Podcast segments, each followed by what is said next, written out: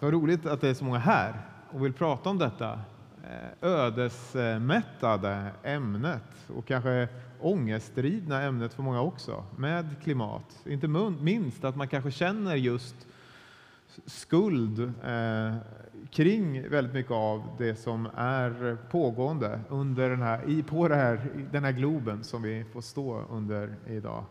Att man känner som jag eh, känner när man står och tittar upp här, hela jordens tyngd på ens axlar. Som sagt. Att det, det, det är tufft vad vi står inför. Så, men hur rimligt är det att vi privatpersoner, individer, känner skuld och skam för situationen? Vem är det som ska känna det? Driver det någonting framåt eller är det tvärtom? Är det kontraproduktivt?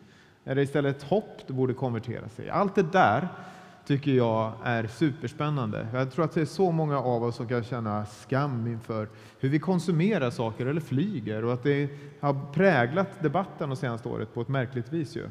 Och vi ska djupdyka i allt det och vi ska göra det med två forskare, akademiker som ska få prata eh, ingående och djupgående om detta. Jag heter alltså Emanuel Karlsten, jag är annars journalist och tycker att det är väldigt roligt att just få skrapa i alla och gräva i alla möjliga frågor och så också den här frågan. Eh, och vi ska börja just nu med en slags eh, botten att stå på, en gemens bygga en gemensam grund att stå på. Där jag har bett Thomas eh, Sterner att eh, prata lite om det. Och Thomas är en av världens kanske mest kunniga personer när det gäller det här om miljöekonomi. Eh, för eh, Thomas är professor i miljöekonomi, institutionen för nationalekonomi och statistik på Göteborgs universitet och internationellt är han kanske ännu mer känd och efterfrågad än Göteborg av flera länders regeringar som Frankrike, Storbritannien och USA. Och nu är han här i Fässbergs kyrka och ska inleda och ge oss som sagt en grund. Hur är läget för klimatet och globen som vi eh, bor på? Så varsågod Thomas, en applåd.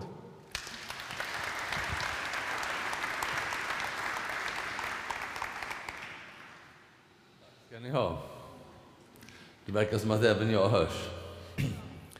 Det är fint, jag vill tacka arrangörerna, det är fint att få stå i kyrkorummet och tala, denna symbolladdade plats.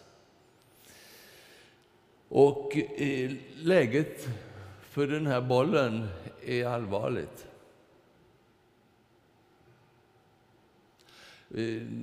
Vi har ju, det sägs ju ofta att eh, föreläsare inte får eh, spä på ångesten och inte eh, låta för negativa och så, för då går folk hem och är deprimerade. Men man kan inte dölja att läget är faktiskt väldigt allvarligt. Vore jag lagd åt att vara så där väldigt ilsken och aggressiv så skulle jag vara det nu. Sen har inte jag den personlighetstypen. Men det är inget att ta fel på. Läget är allvarligt. Och jag, nu har jag ju rest runt och pratat om miljö i 30-40 år.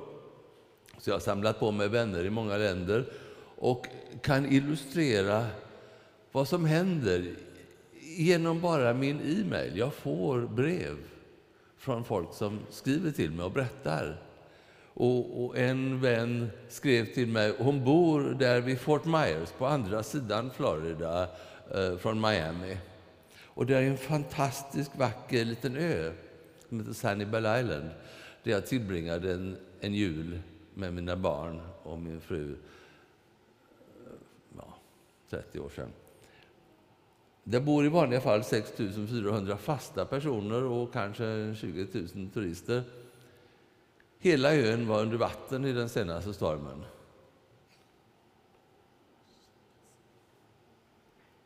Så här ser det ut på några ställen. Den där fyren står kvar, men byggnaderna är borta runt omkring. Även hela Fort Myers, som är ett stad på 100 000 invånare, är rätt förstörd.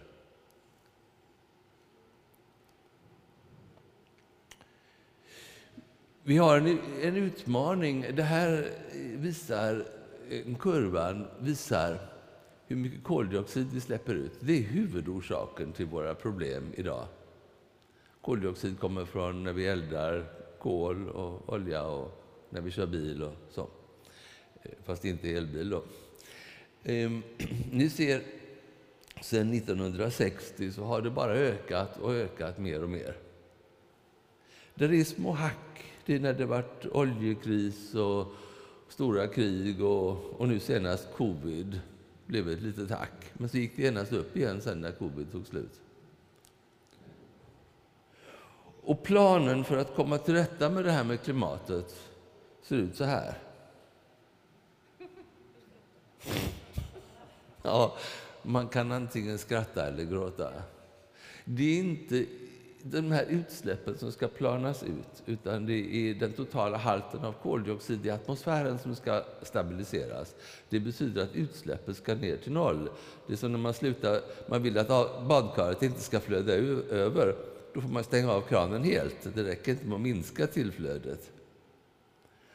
Det där skulle gå, det är skanledigt på 40 år och det det är ju lite svårt att tänka sig, så det finns de som säger att ja, vi kanske kan göra det om 20 år istället. Om vi, men om vi gör det, då måste vi fortsätta ha negativa utsläpp resten av seklet.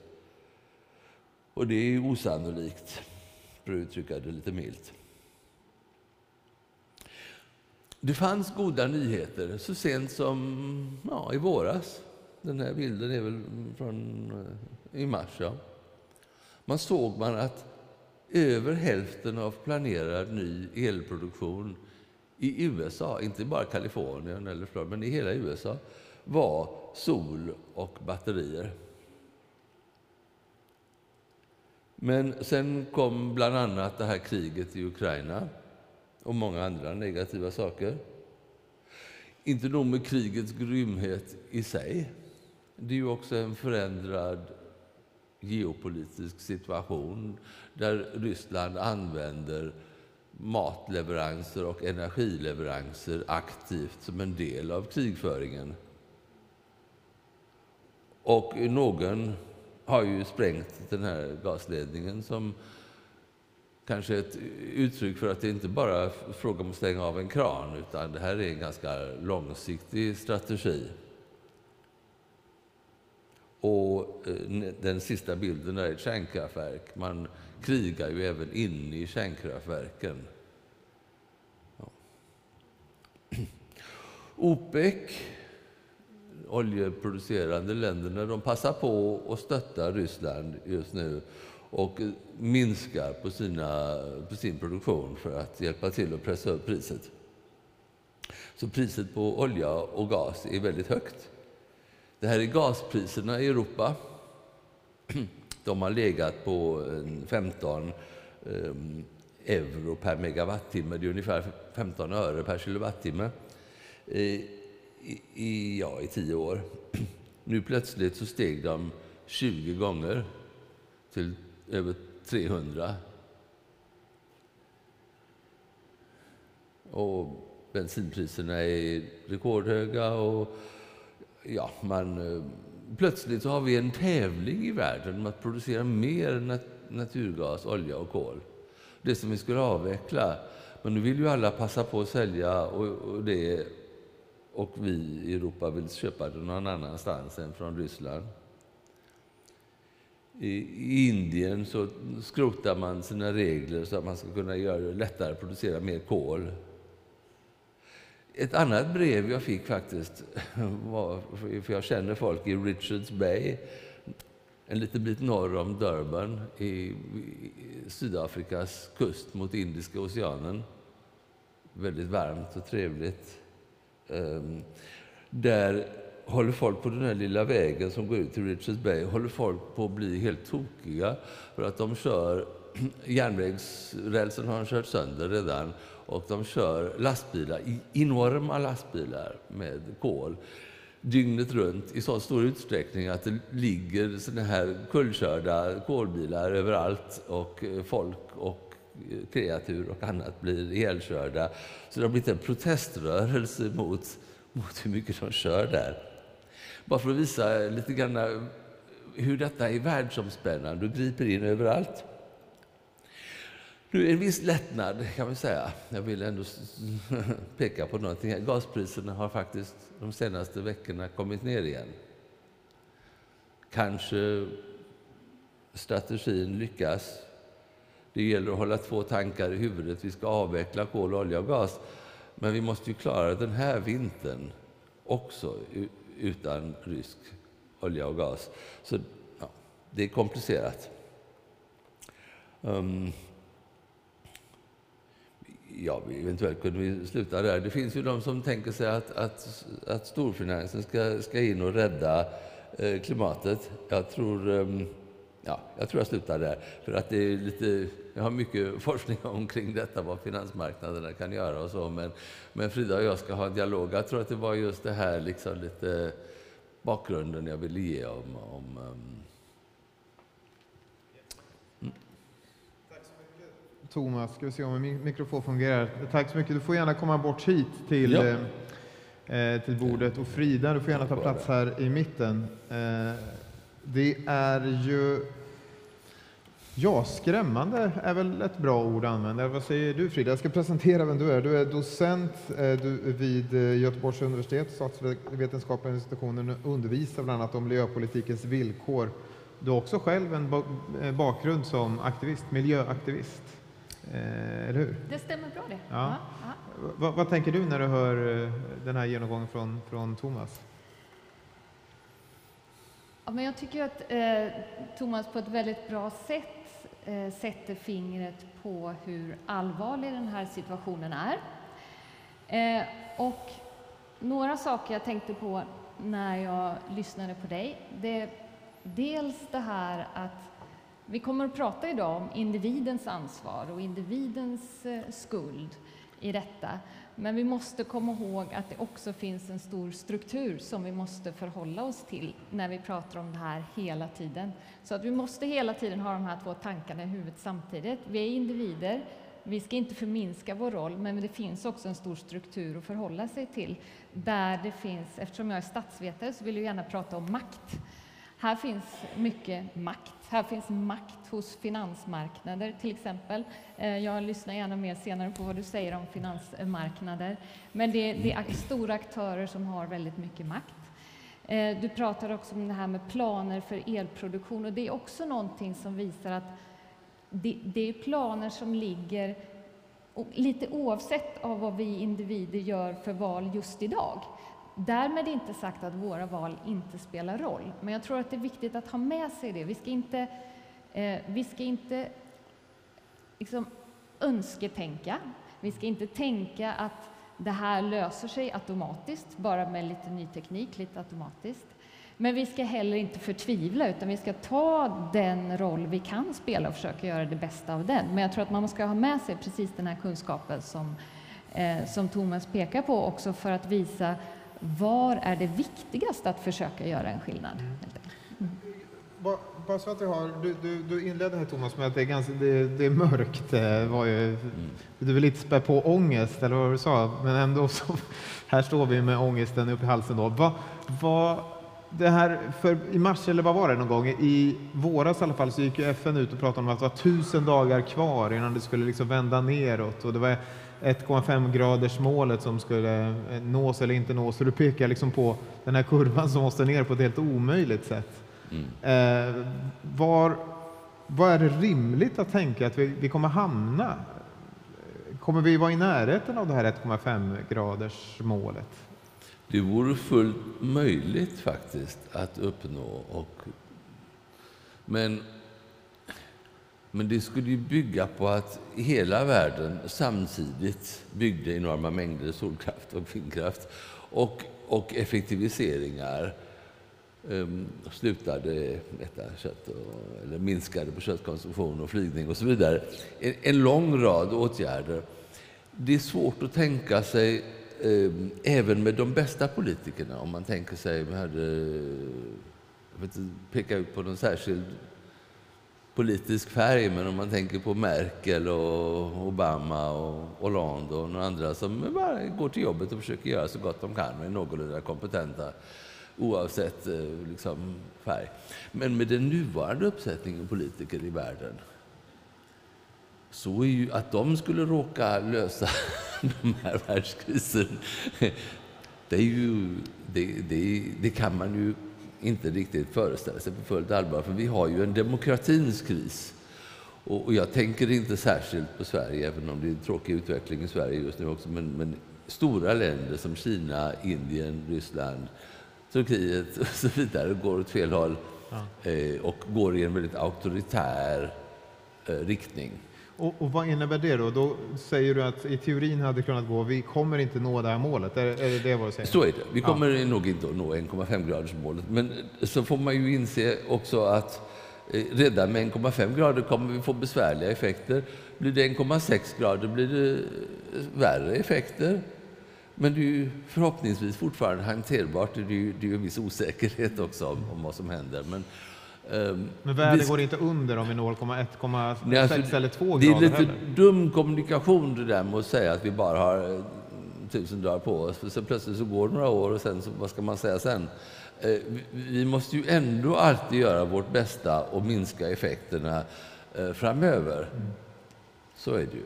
Det håller jag verkligen med om, för det spelar ju roll om det blir 2,5 grader eller om det blir 4 grader. Så ja. att det är att, att ge upp och släppa för att man inte kommer att klara ett visst mål, det är det sista vi ska göra. Mm. Det gäller att hålla fast vid ett realistiskt hopp där man, eh, man ser sanningen i vitögat, man ser att det är en allvarlig situation, men man försöker ta reda på vad är det mest effektiva vi kan, vi kan göra.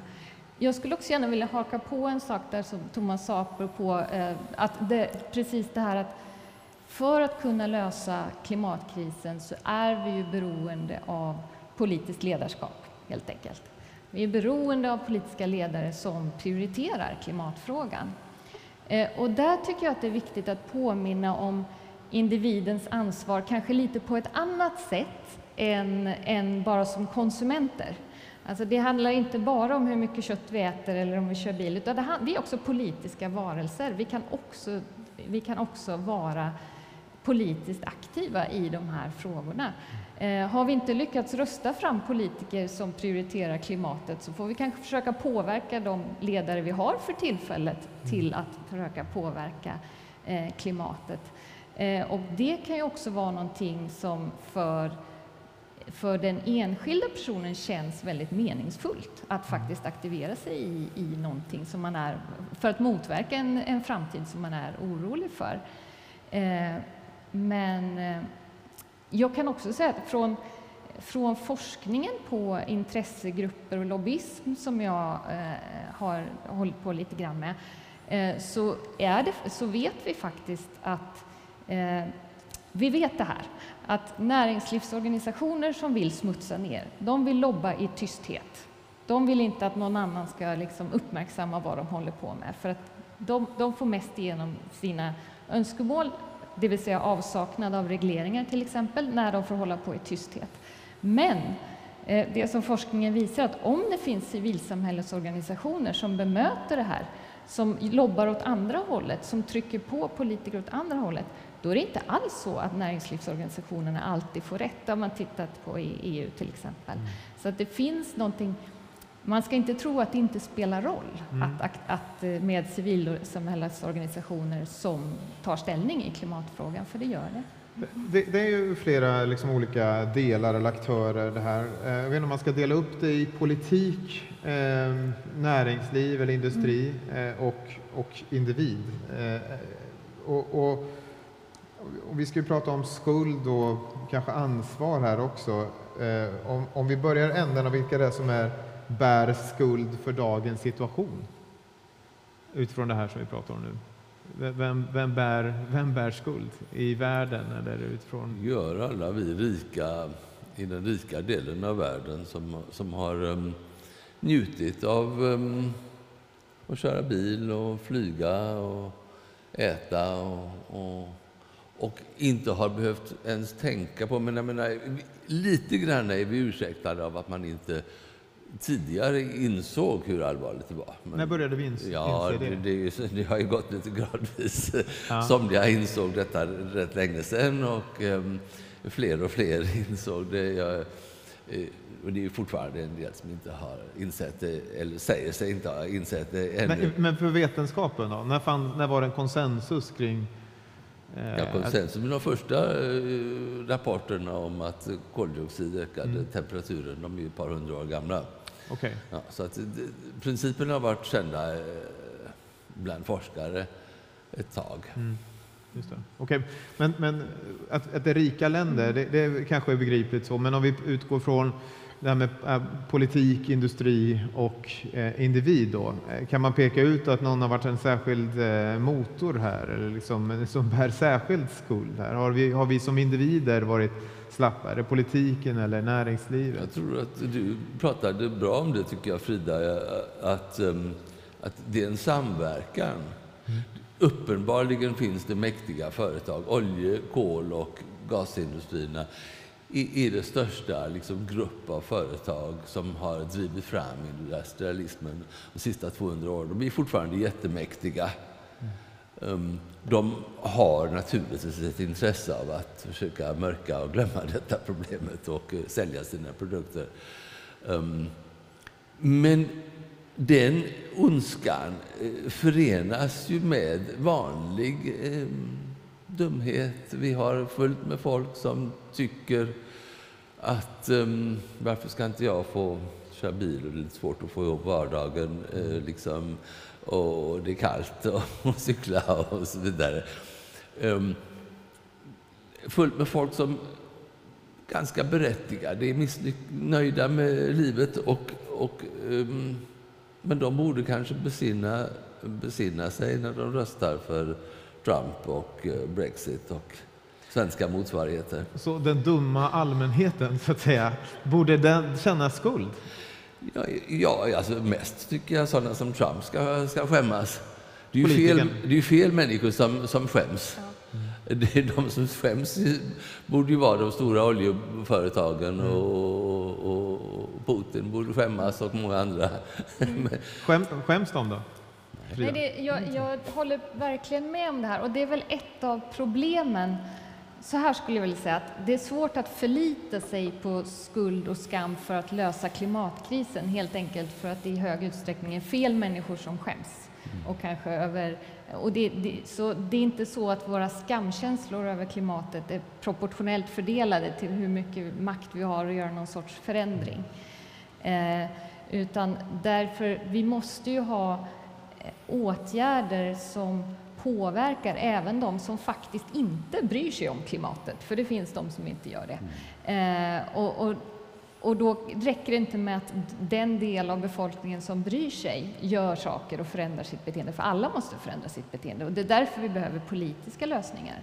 Eh, men absolut, ja, jag tycker att eh, många ledare skulle behöva eh, skämmas mer. Och det är återigen till- tillbaka det här med makt. Alltså att Det tycker jag är en jätteviktig fråga, att det blir ett problem om, om den här klimatskammen riktar ansvaret mot individer som har väldigt lite makt och från individer som har väldigt mycket makt eller organisationer som har mycket makt. Och då tror jag faktiskt att, att den här skammen kan bli kontraproduktiv. Eh, det, finns, det finns faktiskt till och med exempel på att eh, eh fossil, fossilindustrin försöker klimatskamma miljöaktivister. Eh, helt enkelt säger man, men eh, ska du säga, du som eh, körde bil dit, och så tänker man inte på ja, att de här miljoner ton koldioxid som släpps ut av de här företagen jämfört, så att det blir, man tappar liksom helt proportionerna. Det När Greta Eh. Thunberg tog båten över Atlanten så var det, fick du reda på att det var någon som skulle åka med båten stod flyget över det istället och så blev det en stor... Och då blir det, precis. Och, då är så, och, och Greta Thunberg är ändå svår att komma åt, för hon lever ju verkligen som hon lär. Så att i den meningen är hon ju svår. Men till och med i det fallet så försöker man, eh, man göra det. Och det är givetvis... Så det kan ju också bli ett sätt att försöka motarbeta de som faktiskt vill göra någonting verkligt åt eh, Mm. klimatförändringarna. Och där skulle jag också vilja säga att det som jag tycker att Greta Thunberg, en sak som hon gör många saker bra, men en sak som hon gör väldigt bra, det är att hon verkligen försöker placera skulden hos makthavarna. Hon riktar sig ju direkt till makthavarna och säger ni borde skämmas. Mm. Eh, och det tycker jag är genialt, att, att, liksom, att rikta ansvaret där, till, till, till de som har mest makt att göra någonting. Ja, men exakt, jag tänker att vi kan fortsätta. Om vi går igenom vilka som har burit skuld och då kanske det är lite fördelat. Det är väldigt mycket drivet av näringslivet hör jag, eh, som fortfarande då inte känner någon typ av eh, skuld kanske, trots, eh, trots idag. Eh, men om vi tittar framåt vilka vi ska rikta fokus nu då. Då pratar du om Greta Thunberg eh, som, som lägger eh, ansvaret hos makthavarna. Men skam är ju fortfarande ett väldigt återkommande tema som sagt är. Shame on you, säger Greta Thunberg till världen i princip som lyssnar, men, men inte minst då makthavare. Är det, är det bra alltså? Du, det låter som att du är inne på det. Det, det. det är ett bra sätt, att skamma makthavare till förändring så att säga. Ja, som sagt, om, om skammen riktas där den hör hemma, men som sagt så tror jag också att eh, det, finns, det finns en risk med skam att den slår bakut. Så att, alltså ja. att skam för oss alla är ju en extremt obehaglig känsla. Mm. Eh, och jag tror att många av oss är beredda att göra väldigt mycket för att slippa känna skam. Eh, och, och, jag, och nu spekulerar jag, men det skulle inte förvåna mig att en del av de som idag är klimatförnekare, att det kan vara ett sätt att skydda sig från skam, helt enkelt. Att om, man, eh, om man blir anklagad för någonting eh, och inte vill ändra sitt beteende så kanske, kanske det kan vara ett sätt. Det vet ju inte jag. Men, men det finns, skam är ju också beroende Skam är ju en känsla som får oss att följa de normer som råder där vi är. Så då beror det ju på vad normerna är i de grupper där vi befinner oss. Mm. Eh, så då gäller det att det är det som är normen för att, för att skam ska fungera. Och det, så är det ju heller kanske inte överallt. Nej. Mm. Thomas, du har ju träffat eh, och har som sagt du har varit efterfrågad av flera av av de största klimatbovarna skulle du kunna säga. Nu hade vi inte en graf över vilka som var värst i den här skalan, men där hade USA till exempel varit en, en stor bov och så. Hjälper skam eh, i, när, när liksom de tar beslut, upplever du? När, du? när du får inblick i andra länders yttersta makthavare, upplever du att det, det får fäste när Greta Thunberg till exempel försöker skamma till förändring? Det, det kanske är som så att att grundläggande information måste till först. Skam är ju en kraftfull mekanism när man, ehm, när man syndar. Det har ju inte, inte minst kyrkan har, har, tror jag, har, har, har varit rätt effektiv på att föra ut ett budskap om vissa saker som man inte får göra och då känner man skamkänslor och så. Men jag tror inte folk kanske inser vilken skada man får ju inte dränka barn, till exempel. Nej.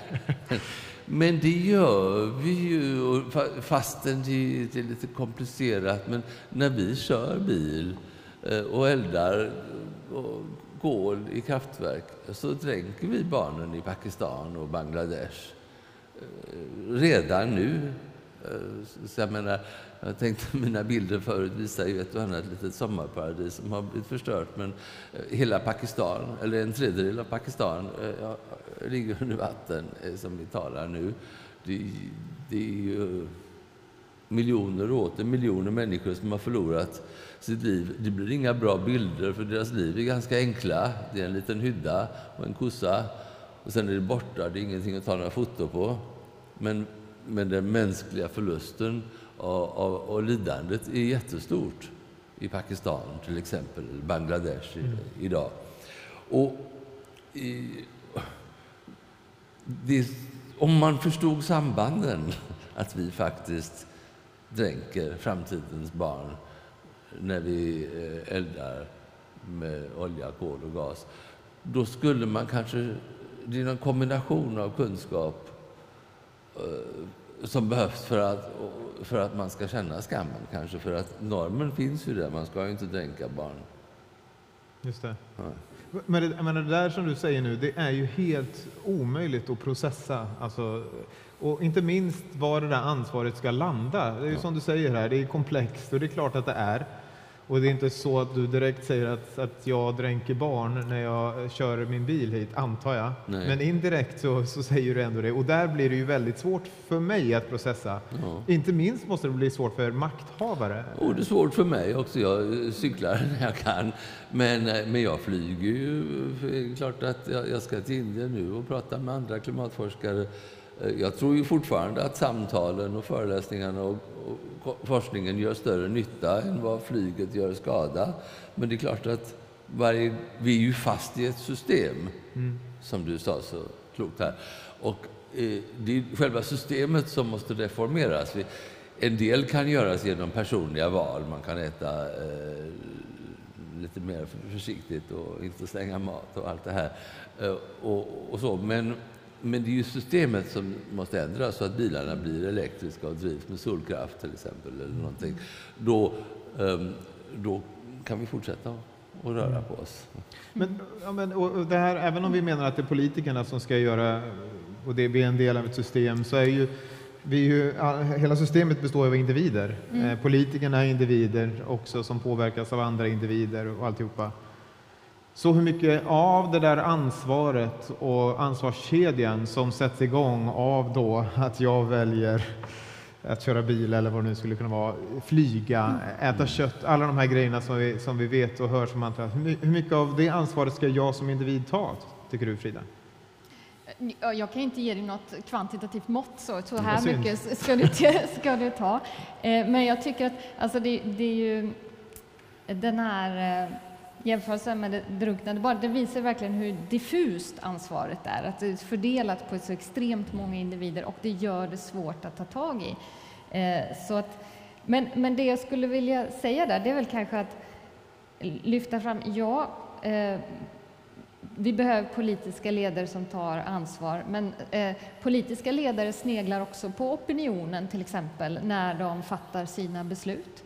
Eh, och det, och, och det, det är ytterligare en anledning till att vi ska se på oss själva som inte bara konsumenter. Att det kanske inte bara är vårt individuella bilbeteende som spelar roll, utan kanske också hur vi pratar med andra. Om personer på jobbet börjar prata om hur oh, vad, nu borde de verkligen sänka koldioxidskatten på besök. Kan man säga, men vad skulle det kosta då? Vad innebär det? Att man mm. faktiskt kan vara en del i att, att eh, forma, för opinion spelar roll. Eh, politikers Det är ett jättebra exempel, om jag får mm. hoppa in där, för att um, för något halvår sedan redan så var jag eh, upprörd över att um, den dåvarande regeringen ville sänka energiskatter och, och sådana saker.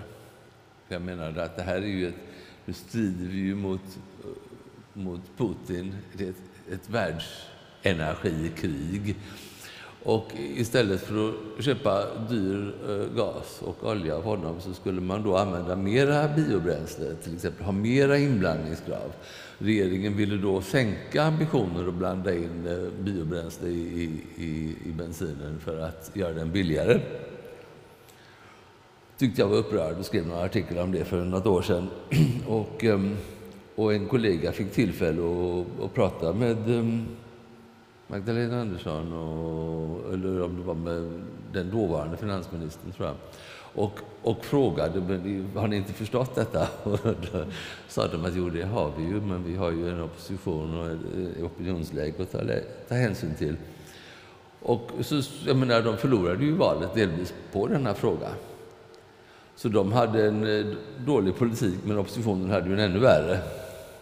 Eh, och oppositionen vann på det. Så, så det, vi, det är ju verkligen som du säger att politikerna vi kan inte bara säga att det är politikernas fel. Politikerna är ju bara där så länge de är valda av oss. Man kan inte säga att det är tidningarnas fel. Tidningarna skriver ju sånt som vi vill läsa och köper vi tidningarna. Och så, så det är ju hela tiden, vi har ju ett, en makt och en inflytande var och en av oss. Och man får förstå dem som är irriterade och besvikna och, och, och, och då och då vill, vill um, ge makten en tjuvnyp och, och rösta för, för Brexit och Trump och SD. Kanske. Men de måste ju också betänka konsekvenserna, vad det är för partier de röstar på och släpper in. Mm. Och, och då menar du att man behöver dra den kopplingen som du gör egentligen med eh, det dränkta barnet? Ja, och energipolitiken och det måste, det måste få kosta att köra bil. Har man förstått att bilarna leder till dränkta barn i Bangladesh så, så får man acceptera att, att i övergångsperioden så, så måste det bli dyrare att köra bil. Vi måste köra bil mindre och vi måste uppmuntra fordon som kan köras på, på etanol och el och annat. Men ska vi bara göra klart det också då? För att, menar, nu är det ju hälften av svenskarna som har röstat på det regeringsalternativ som du sa var det ännu sämre, så att säga. Är det så att det råder någon slags vetenskaplig konsensus kring att det finns en bra och en dålig miljöpolitik? Eh, ja, så är det ju. Det finns ju bra och dålig klimatpolitik. Det är ju ingen, Rent objektivt sett? Det, det, det kan ju titta, alltså de, här, de olika förslagen analyseras ju till exempel av miljöorganisationer. De gör väldigt tydliga genomgångar och säkert eh, gör ni det också. Det var, så, så att det, både forskare och miljöorganisationer tittar ju på förslagen och räknar på vad kommer det här att innebära i ökade utsläpp. Och vissa förslag ger mer utsläpp än andra. Så, så, så är det ju. Det är Okej. inget... eh, Och, och därmed då så, där så, så, så eh, menar eh, ni då som representerar vetenskapen att det, det vänsterblocket har en eh, rent objektivt sett bättre miljöpolitik? Är det det vi säger? Man ska vara försiktig med sånt där, extra försiktig för det är känsligt. Ehm, Men eh, då och då så, så är läget ändå tydligt. Mm. Och ehm, just nu är ju fel tidpunkt att minska eh, inblandningen av skogsbränslen i bensinen och, och köpa mer olja av, av Putin. När priset är högt och när intäkterna används till att kriga mot Ukraina. Och utsläppen ökar så att vi kommer längre bort från våra klimatmål.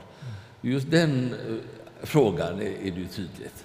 Okej. Sen får man, det finns många andra frågor som regeringarna driver och så. Man, man ska vara extremt försiktig tycker jag med att generalisera för mycket. Så är det, men det är ju så att alla de här paketen består ju av väldigt olika, där vissa komponenter kan peka i en riktning och vissa komponenter kan peka i en annan riktning. Men det finns ju analyser av, av olika policyförslag och, och, och prognoser. Vi vet ju inte, det här är prognoser för hur mycket det kommer att leda till i form av utsläpp.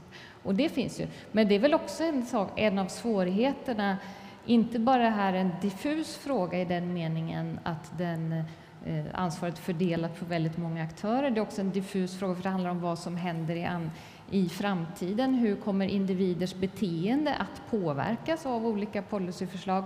Och då gör man ju prognoser men det ju det, det går ju inte att förutsäga framtiden med den exaktheten. Så att, så att man kan säga så här, ge det där kvantitativa måttet på Nej. så här mycket skulle, Vi, skulle vi det ska göra.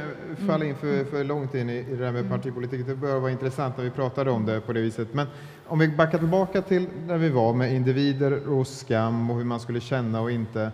Jag tolkar er då att ni säger att det blir viktigare vilken signal man skickar till politiker än exakt om man känner, eh, äter kött eller vegetariskt eller tar flyget till Kanarieöarna eller kör bensinbilar. Är det okej att vara skenhelig? Jag, jag tycker att det, nej, jag- skulle inte säga att det inte, att, och det är återigen en sak, man måste hålla två saker i huvudet samtidigt. Att vi är mycket för att välja det ena eller Ja. andra och då gör vi ingenting av det andra. Jag säger att vi ska göra båda delar. Eh, Att det, vi, vi ska försöka påverka polit, politiskt men också påverka i våra val och också tänka på att det vi väljer påverkar andra. Ifall jag väljer, nu åker jag på semester eh, långt, då sätter jag ju en norm för andra personer i min omgivning om vad man ska göra på sin semester. Om jag smygflyger då? Om jag inte berättar det för någon kompis? Ja, då, blir ju just, då försvinner ju just den effekten då, påverkan Ja. på andra. Då har du med din egen eh, flyg, flygeffekt kvar. Men alltså- men, men också om, om vi förändrar vårt beteende Mm. till exempel, om fler väljer att av skuld eller ansvarskänsla ställa bilen, då är det också en signal till politiker. Jaha, det är färre som påverkas om vi faktiskt höjer. Det kanske, om det fler har gått över till att a- åka kollektivt till exempel, då vet vi att fler skulle vinna på att sänka avgiften i kollektivtrafiken exempelvis. Så, att- så att alla de här sakerna får, ha, kan ju ha effekter i flera Mm. olika led. Hur ser det ut Thomas? Jo, man ska ju varken vara skenhelig eller luras eller, Mm. eller förlamas av skam och, och skuld. Utan vi, vi måste ju leva våra liv och, och det, då och då får man kosta på sig saker som man tycker är väldigt viktiga och väldigt roliga. Eh, så. Men man kan ju undvika ett... Man kan gå i rätt riktning. Man kan ju ibland eh, äta förnuftigt och ibland cykla och eh, undvika... Ehm, man, kan, man kan försöka välja bra transportalternativ eh, till exempel, eh, i den mån man har råd med det. Ehm, man måste ju gå dels personligen i rätt riktning och dels rösta fram politiska system som är, hjälper till och gör detta möjligt och vettigt. Du ska få, få skicka med frågan då på ditt svar här. För att när, vi, när du pratar nu Thomas så låter det som att vi har tid och sen samtidigt har vi inte tid och vi kräver dramatiska förändringar av politiker men kanske att de inte ska vara lika dramatiska för oss personligen. Eller? Jag vet inte riktigt om det var det du alltså jag tänker att det, vi, vi behöver göra saker, eh, vi behöver göra, göra saker och som sagt vi har inte, vi har inte tid. Ju mer vi kan göra snabbare, desto bättre helt enkelt. Så mm. att vi ska, inte, vi ska absolut inte luta oss tillbaka. Eh, men jag tror att kanske att det, det som jag bara ville haka på där, som jag tycker är, är riktigt, är att det finns en risk i att om vi ställer... Vi är människor, vi är inte perfekta. Och om, vi ställer, om den här skammen och skulden leder till att vi tror om vi inte gör det perfekt om vi, eh, så är det inte värt någonting. Då, det tror jag är farligt, för då tror jag att då ligger det väldigt nära att man ger upp istället.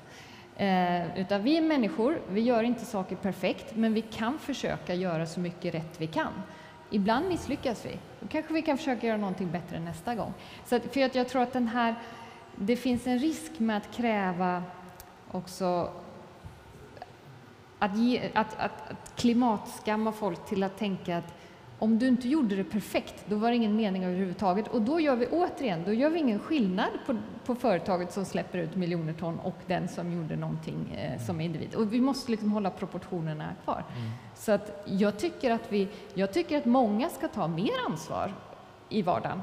Eh, men vi ska inte, vi ska heller inte eh, få folk att känna om jag inte är perfekt så duger det inte alls. Alltså, då är det ingen mening att göra något, då ger jag upp eller börjar bli klimatförnekad eller någonting sånt. Det, det, det är spännande Thomas, jag tänker du började också som sagt med en dyster eh, bild och skapa en känsla av att det är ödesdigert just nu, det är, ett, eh, det är en ödesmättad tid. Och, och, det skulle ju vara omöjligt att, um, tänker jag, få den känslan om man inte också om det inte fanns liksom ett element av skuld med i den här, i den här bilden då. Att det där, även om du använder liksom belägg och förklarar så här är läget just nu, så här kan vi eh, göra åt det, så måste det där vara en, liksom en ganska svår balans att balansera. Hur hårt ska man slå på det ödesmättade? Eh, hur mycket ska man fokusera på eh, ja, balansera? Mm. Ja, jag tänker inte så ofta i termer av skuld och skam. Jag eh, kämpar på mitt stillsamma vis för att vi ska ha högre bensinskatter. Um, om vi, Europa har det. Europa har, är bensinen mycket dyrare än i USA. Och resultatet är att vi gör av per person med ungefär en tredjedel så mycket som de gör i USA. Och det är ju inte det att vi lever eländiga liv i Europa. Vi har visserligen mindre bilar och mindre hus och vi pendlar kortare avstånd. Men vi har bättre kaffe och bättre ost och mycket annat. Så det vi behöver göra, det är en slags ingenjörskonst här. Vi behöver ändra lite på, på, på priserna. Vissa saker måste vara lite dyrare. Det inkluderar i sig tyvärr ost också, kött och, eh, och bensin. Eh, men det finns annat som vi kan ägna oss åt. Det finns annat som är värt att göra kvar i livet som inte förstör miljön. Men, men det är ju intressant för att det skapar den här situationen som eh, upp, Sverige kanske befinner sig också, där man känner att vi har gjort så mycket redan. Du pratar om att i USA, där, där är det tre gånger så, så värre bara med bensinpriserna. I Sverige, vi har gjort svin mycket redan. Kan inte ja. vi få andas ut lite här och käka vår, vår ost i och fred, så att säga?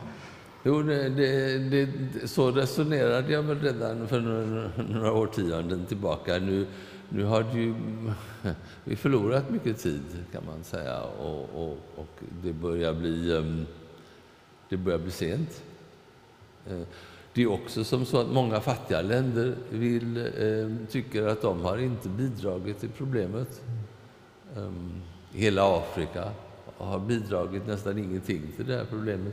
Nu vill de industrialisera och, eh, och få bekvämligheter och inte minst luftkonditionering som ju blir mer, större behov av ju varmare det blir. Men som samtidigt spär på problemet eftersom luftkonditioneringen i sig leder till stora utsläpp. Så, så med, med, vilken rätt ska vi förmena afrikanerna det? Nu när nästa klimatmöte, COP-mötet, är om någon vecka i, i Afrika, i Egypten, då, så kommer de här frågorna att komma upp på bordet. Inte nog med att vi borde ändra vår livsstil fortare än vad vi har gjort. Vi borde också hjälpa till, ehm, för vi har skapat det här problemet som nu blir dyrt och svårt att hantera för Afrika. borde vi hjälpa dem också att lösa sina klimatproblem. Och det har vi inte kommit långt med alls. Vad säger du Frida om det, den här känslan som som finns, kanske att vi har ju ändå kommit längre än många andra länder, kanske här i Sverige, med medvetande. Och vi är kanske särskilt bra också i Sverige på att känna skuld, vad vet jag? Det vet, det vet jag inte Nej. alls om det är så. Men, men, men som Thomas påpekar så är det ju så att vi har också släppt ut mycket mer än många andra länder historiskt. Så att det, det, man, klart, man kan alltid hitta någon som är värre än man själv, men frågan är om det är eh, är ett skäl, att, ett legitimt skäl att inte agera. Mm. Eh, det, det, är två olika saker. Eh, och sen så när det gäller det här med eh, Thomas pratar om det här med, med, skatter till exempel på bensin och diesel. Alltså, en sak som jag bara skulle vilja lyfta fram också det är det här att när det gäller vissa av de här, just tillbaka till opinionen då, att vi ska ha med oss att det finns inte alltid en koherens i opinionen så som den ser ut. Så att i viss mån så kanske när det gäller de här opinion kring eh, åtgärder som kostar eh, det, finns, det finns en väldigt viktig pedagogisk uppgift där att tala om hur, vilka, vilka verktyg är det som fungerar bäst eh, för att kanske förhoppningsvis åstadkomma lite mer koherens i, i opinionen. Till exempel, jag tittade på, nu är det siffror från förra året, men då är det, när jag kollade var det 87 procent som är oroade över klimatförändringar. Eh, och eh, de flesta inser när man frågar om opinionen att vi kommer att behöva sänka vår levnadsstandard på något sätt, det är ju lite klumpigt formulerat, för att klara av klimatförändringarna. Eh, och samtidigt så anger då 49 procent att det är ett dåligt förslag att höja koldioxidskatten på bensin och diesel. Och för mig är det, det är åsikter som inte riktigt hänger ihop. Och där finns det, tänker jag, en viktig uppgift att, att informera om det, att informera om verktyg som fungerar och, och vad vi behöver göra, eh, helt enkelt. Mm. Tiden flyger iväg eh, och det är hemskt för att man vill ha pratat väldigt mycket längre om det här. Men om, jag, jag, tänker att vi ska närma oss slutet. Man får gärna fundera om någon fråga som man vill ställa också kring vad är liksom det mest effektiva då? Alltså, vi säger att det kan vara bra med att skamma makthavare eller om det liksom riktas åt rätt håll och så. Men om man nu är en person som känner den här typen av ångest som du pratar om, att vad var det, 87 procent eh, sa mm. sig känna. Man kanske känner skuld, man kanske känner skam till och med för sättet mm. man lever. Det kan ju vara en otroligt förlamande känsla. Oh ja. vad, kan man, vad, vad, är, vad är ert råd? Ja, jag kan ju säga att för mig personligen så var liksom skuldkänslor över jordens tillstånd en ganska viktig faktor till att jag engagerade mig som miljöaktivist en gång i tiden. Och du har också varit miljöaktivist. Ja. Så att jag vet inte vad som var ditt motivation, men just det här att vi i den rika världen har förorenat så mycket och det drabbar så många andra. Det, det fanns en skuldkänsla i det som gjorde att jag engagerade mig i mm. miljörörelsen helt enkelt. Eh, och där finns ju en i att engagera sig tillsammans med andra finns ju väldigt mycket hopp. Dels för att man ser att man inte är ensam om att känna på det här sättet och man ser att man inte är ensam om att vilja göra någonting åt det. Eh, så, så, så jag tror att det kan spela roll för, för individ, eh, individuella val vi gör eh, och att börja göra saker tillsammans kan vara ett sätt att liksom vända den skuldkänslan till någonting mer konstruktivt. Så att engagera sig, eh, ja. organisera sig. Om man känner de här sakerna, det, det, det, det är ett recept så att säga, eh, medicin. Om man, vill, om man vill omvandla den här typen av skam och skuld till någonting, som, eh, någonting konstruktivt så mm. är det ett bra sätt. Och då finns det inte, vi pratar ju om det till exempel Eh, jag vet, det finns väl säkert många som kanske inte skulle känna sig eh, känner jag klimataktivist, det är jag, men det finns ju, man kanske kan organisera sig i en, eller jobba med klimatfrågor där man redan är aktiv, säg i kyrkan som det här. Svenska mm. kyrkan gör ju mycket klimatarbete. Eh, så det finns ju liksom många sätt att engagera sig i frågan. Det behöver ju inte vara i den, någon av de vanliga miljöorganisationerna. Mm. Ser du på? Ja, jag, jag, skulle vilja ta upp en, en känsla till som jag tror är, är viktig och det är en, en känsla av vad som är rättvist. Um, vi har studerat eh, just de som, som är motståndare till koldioxidskatter, inklusive de svenska gula västarna eller motsvarigheten till dem. Det finns en organisation som heter Bränsleupproret och vi gjorde enkäter och, och studerade deras åsikter. Det visade sig att det var egentligen inte klimatpolitiken de var emot. Och, och, när man pressade dem riktigt långt var det egentligen inte ens eh, koldioxidskatt utan det de var emot var någon slags allmän känsla av att samhället var orättvist. Att, att det var tufft för dem som var arbetslösa och, och vanliga löntagare, särskilt ute på landet. Och, och, I det läget kändes det särskilt jobbigt att de som kör en vanlig gammal Volvo på landsbygden betalar ett högt, eftersom det är Sverige, högt koldioxidpris. Eh, medan de som flyger till Thailand inte betalar någonting. Det var just denna orättvisa som var det värsta. Och, um, jag fick eh, ordförande för den här föreningen att gå med på att man kunde tänka sig ett högt koldioxidpris om det verkligen betalades av alla i hela världen. Um, så jag tror att, att känslan av, av, av rättvisa och orättvisa är, är, är, väldigt viktig för att försöka förstå också motståndet som vi observerar här mot, mot klimatskatter. Mm. För det är också en, en viktig poäng eh, i det här att man kanske känner sig själv skammad. Ju. Alltså det är egentligen det du pratar om, att, att eftersom att jag lever mitt liv här som har andra förutsättningar än i storstaden till exempel, så, mm. så blir jag orättvist fördel, för, förfördelad helt enkelt. Och, mm. och man blir skammad kanske på mm. olika sätt. Mm. Vad är... Ja. ja, det är ju helt opassande. Och det är opassande om vi åker till Afrika nu och säger att de ska inte bygga kolkraftverk för att um, det är ju en fråga om liv och död eh, att få lite mer el ut på den afrikanska landsbygden. Och på vissa ställen kanske dieselgenerator fortfarande är billigare än solceller. Och då är det vi som borde betala den mellanskillnaden. För solceller vore ju fortfarande väldigt bra om de hade i Afrika istället för dieselgeneratorer. Men är det en merkostnad så borde vi stå för den. Och det kommer kanske inte hända som det är just nu? Ja, inte det, mycket, inte det, lite grann. Men... Ja, men det är en väldigt viktig poäng att när man tittar på policy som ska genomföras så måste man ju titta på fördelningseffekter mm. av de policies och se vilka är det som drabbas hårdast. Och är det då personer med väldigt låga inkomster så, finns, så får man ju titta på mekanismer för att kompensera för det. Mm. För det tror jag är en väldigt viktig fråga för policyacceptans.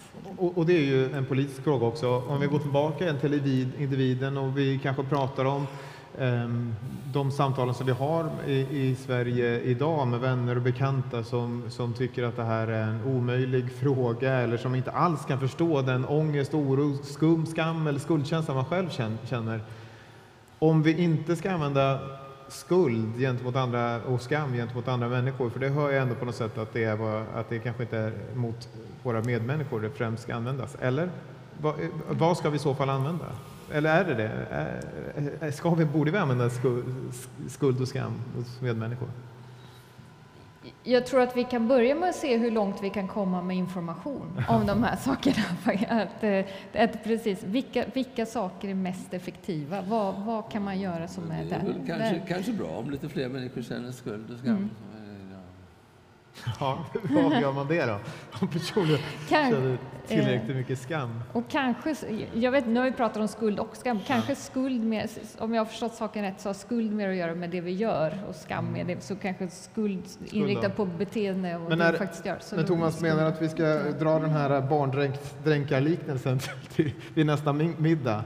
Eller vad, vad, vad, vad, vilken nivå ska vi lägga oss på? Ja, så jag, jag, tycker vi ska välja det som fungerar. Mm.